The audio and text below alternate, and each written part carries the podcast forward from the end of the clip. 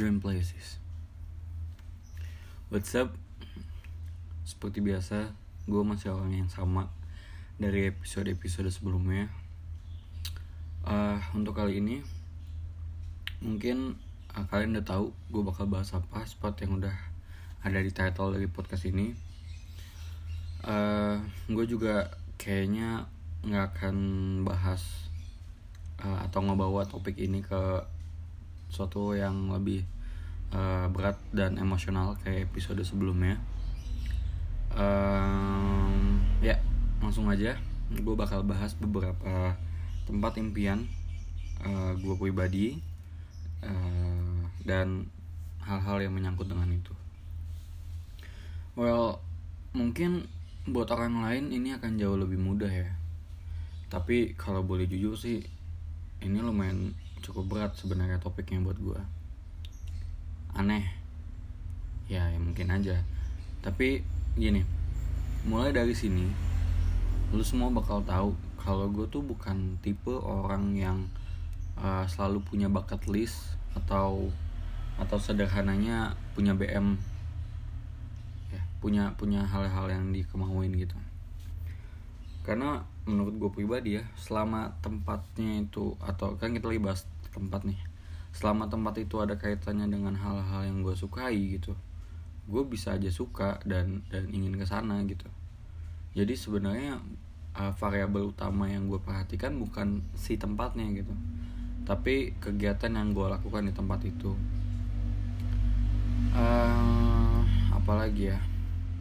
Gue juga kayaknya lebih uh, tertarik dengan uh, semua tempat yang notabene baru buat gue jadi buk apa tempat yang belum pernah gue kunjungin sebelumnya. Nah kalau kayak konteksnya kayak gitu mungkin gue uh, gue punya banyak lah. Mungkin ada beberapa gitu. Kayak contohnya gini deh sesimpel tempat wisata lokal baru gitu. Nggak usah yang yang gimana gimana misalkan ada ternyata ditemukan cuk baru gitu. Itu udah kalau gue bisa ke sana ya itu udah bisa bikin gue happy banget terus apa lagi ya? Um, emang-emang agak ribet sih jatuhnya ya. Tapi ya ya udahlah itu gue gitu. Tapi tapi kalau emang gue harus milih satu tempat di dunia ini yang gue pengen banget datengin gitu sebagai salah satu dream place gue kayaknya itu bakal jadi Old Trafford deh. Iya Old Trafford. Stadion kandangnya Manchester United uh, kalau boleh sedikit sharing gitu kenapa gue milih Old Trafford gitu sebagai satu-satunya tempat yang yang kalau emang harus gue pilih? Gini gue dengan MU tuh punya ikatan yang yang terjalin cukup lama sih gue bisa bilangnya. Kalau gue pikir-pikir balik gitu. Ternyata gue udah ngefans sama tim bola itu tuh udah hampir 13 tahun kalau nggak salah pokoknya dari gue sekitar kelas 4 atau kelas 5 SD lah.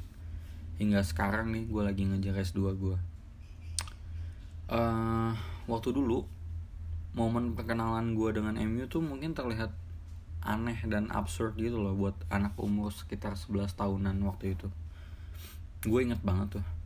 Waktu itu tahun 2017 gue nggak tahu tuh gimana caranya malam-malam gue somehow nonton pertandingan MU pertandingan di musim itu tuh itu tuh pertandingan ketiga terakhir kalau nggak salah.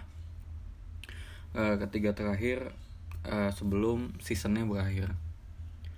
Gue nggak tahu kenapa gue akhirnya nonton. Ingat banget gue waktu itu MU lawan Everton. Eh, tandang jadi jadi dilawan di kandangnya Everton. Sebelum pertandingan itu gitu ya uh, sebenarnya ya gue udah tahu gitu ada tim yang namanya Manchester United gitu. Karena kan ya gue anak laki-laki gue main PS gue tahu banyak bokap gue juga tipe-tipe yang fanatik dengan bola gitu.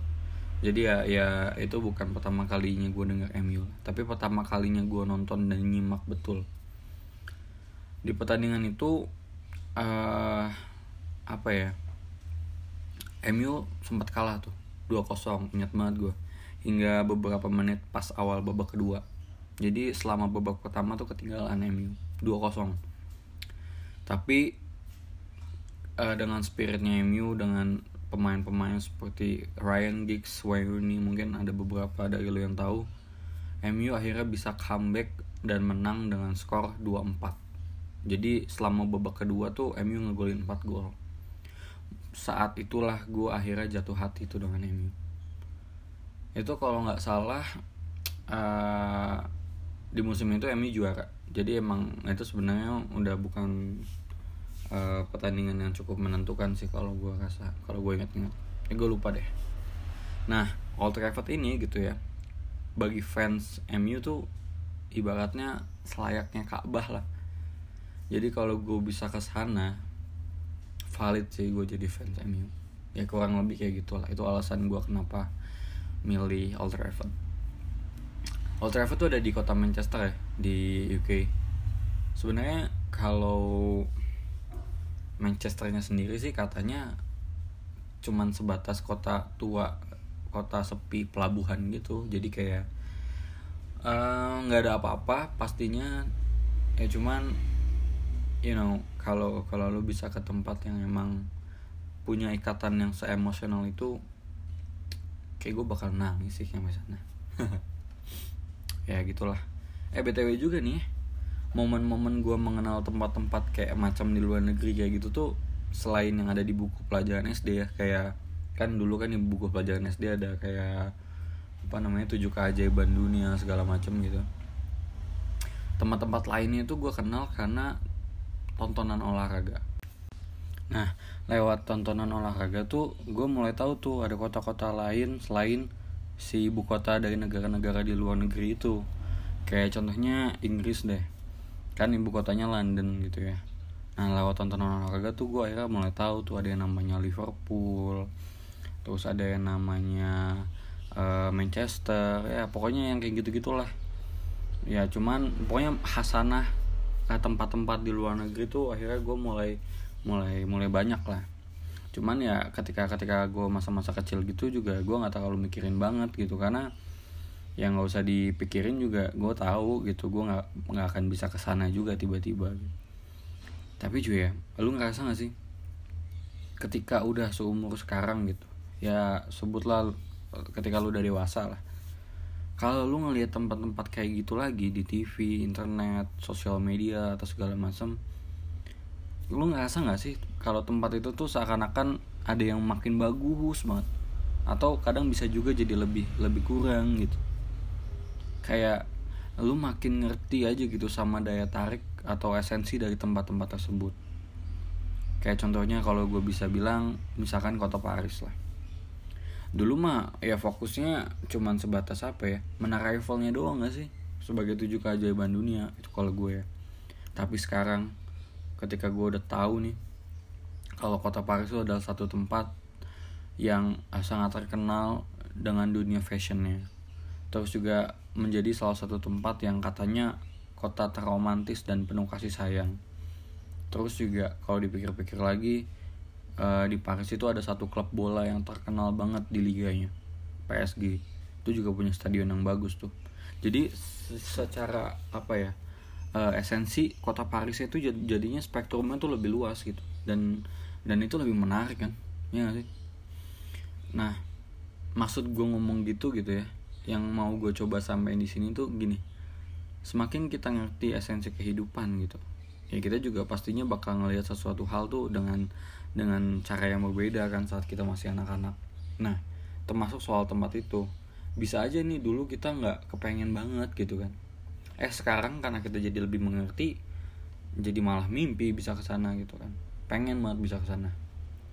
Nah kalau konteksnya kayak gitu mungkin ya kalau gue pikir-pikir lagi ternyata mungkin gue punya banyak tuh tempat-tempat impian. Karena akhirnya ya ada faktor-faktor lain yang akhirnya gue bisa milih gitu.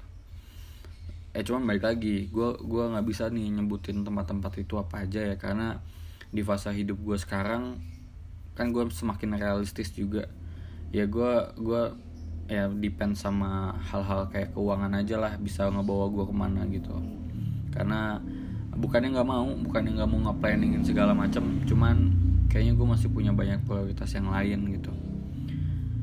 Dan uh, sebagai anak muda juga gue kayaknya bukan tipe tipe anak muda yang punya prinsip YOLO gitu YOLO tuh kayak you only live once. Jadi kayak sekalinya ada duit cus langsung cabut. Karena ngerasa ya udahlah mumpung ada duit nggak tahu kapan lagi bisa ke sini segala macam. Nah gue tuh bukan kayak gitu. Gue emang jauh lebih uh, concern banget sama planningan. Jadi gue kayaknya lebih lebih jadi orang yang selalu tuh ngumpulin budget dulu liburan sebanyak mungkin mungkin semisal 10 sampai 15 tahun gitu ya. Nah habis itu sebisa mungkin gue habisin tuh semuanya sekaligus. Ya mungkin kurang lebih kayak jalan-jalan tapi tiga bulan sampai empat bulan non non stop gitu di luar negeri. Habis semua uangnya. Nah mungkin mungkin gue tipe orang yang kayak gitu. Apa ya? Ya, ya intinya kalau gue punya kesempatan gitu gue pengen banget sih bener-bener trip keliling dunia gitu sekalian. Ya syukur-syukur kalau bisa uh, sama orang yang gue sayangin gitu ya lu nggak rasa sih kayak lu pengen aja gitu ngelihat kanguru tuh di Australia macam-macam kayak gitulah. Atau uh, ngelihat panda tuh langsung dari China Tiongkok atau lu makan es krim atau dessert dengan coklat Belgia tuh ya dari Belgianya langsung gitu. Jangan cuman makan es krim yang katanya dari Belgia itu. Ya semacam kayak gitulah.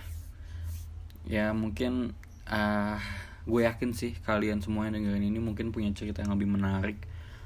Gue nggak sabar banget kalau gue punya kesempatan gue pengen banget dengerin cerita kalian.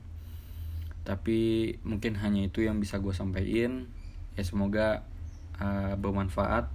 Atau ya mungkin di antara lu pada ada yang sama kayak gue yang nggak punya tuh namanya bucket list atau segala macam mungkin kita bisa ngobrol atau segala macam uh, bisa kenalan gitu ya ya gue berdoa juga semoga masing-masing kita bisa achieve ya mimpi-mimpi kita terutama dalam konteks tempat bisa kita bisa keliling dunia dikasih kesehatan ya dan ya bisa bisa nuai memori dengan orang-orang yang kita sayangin.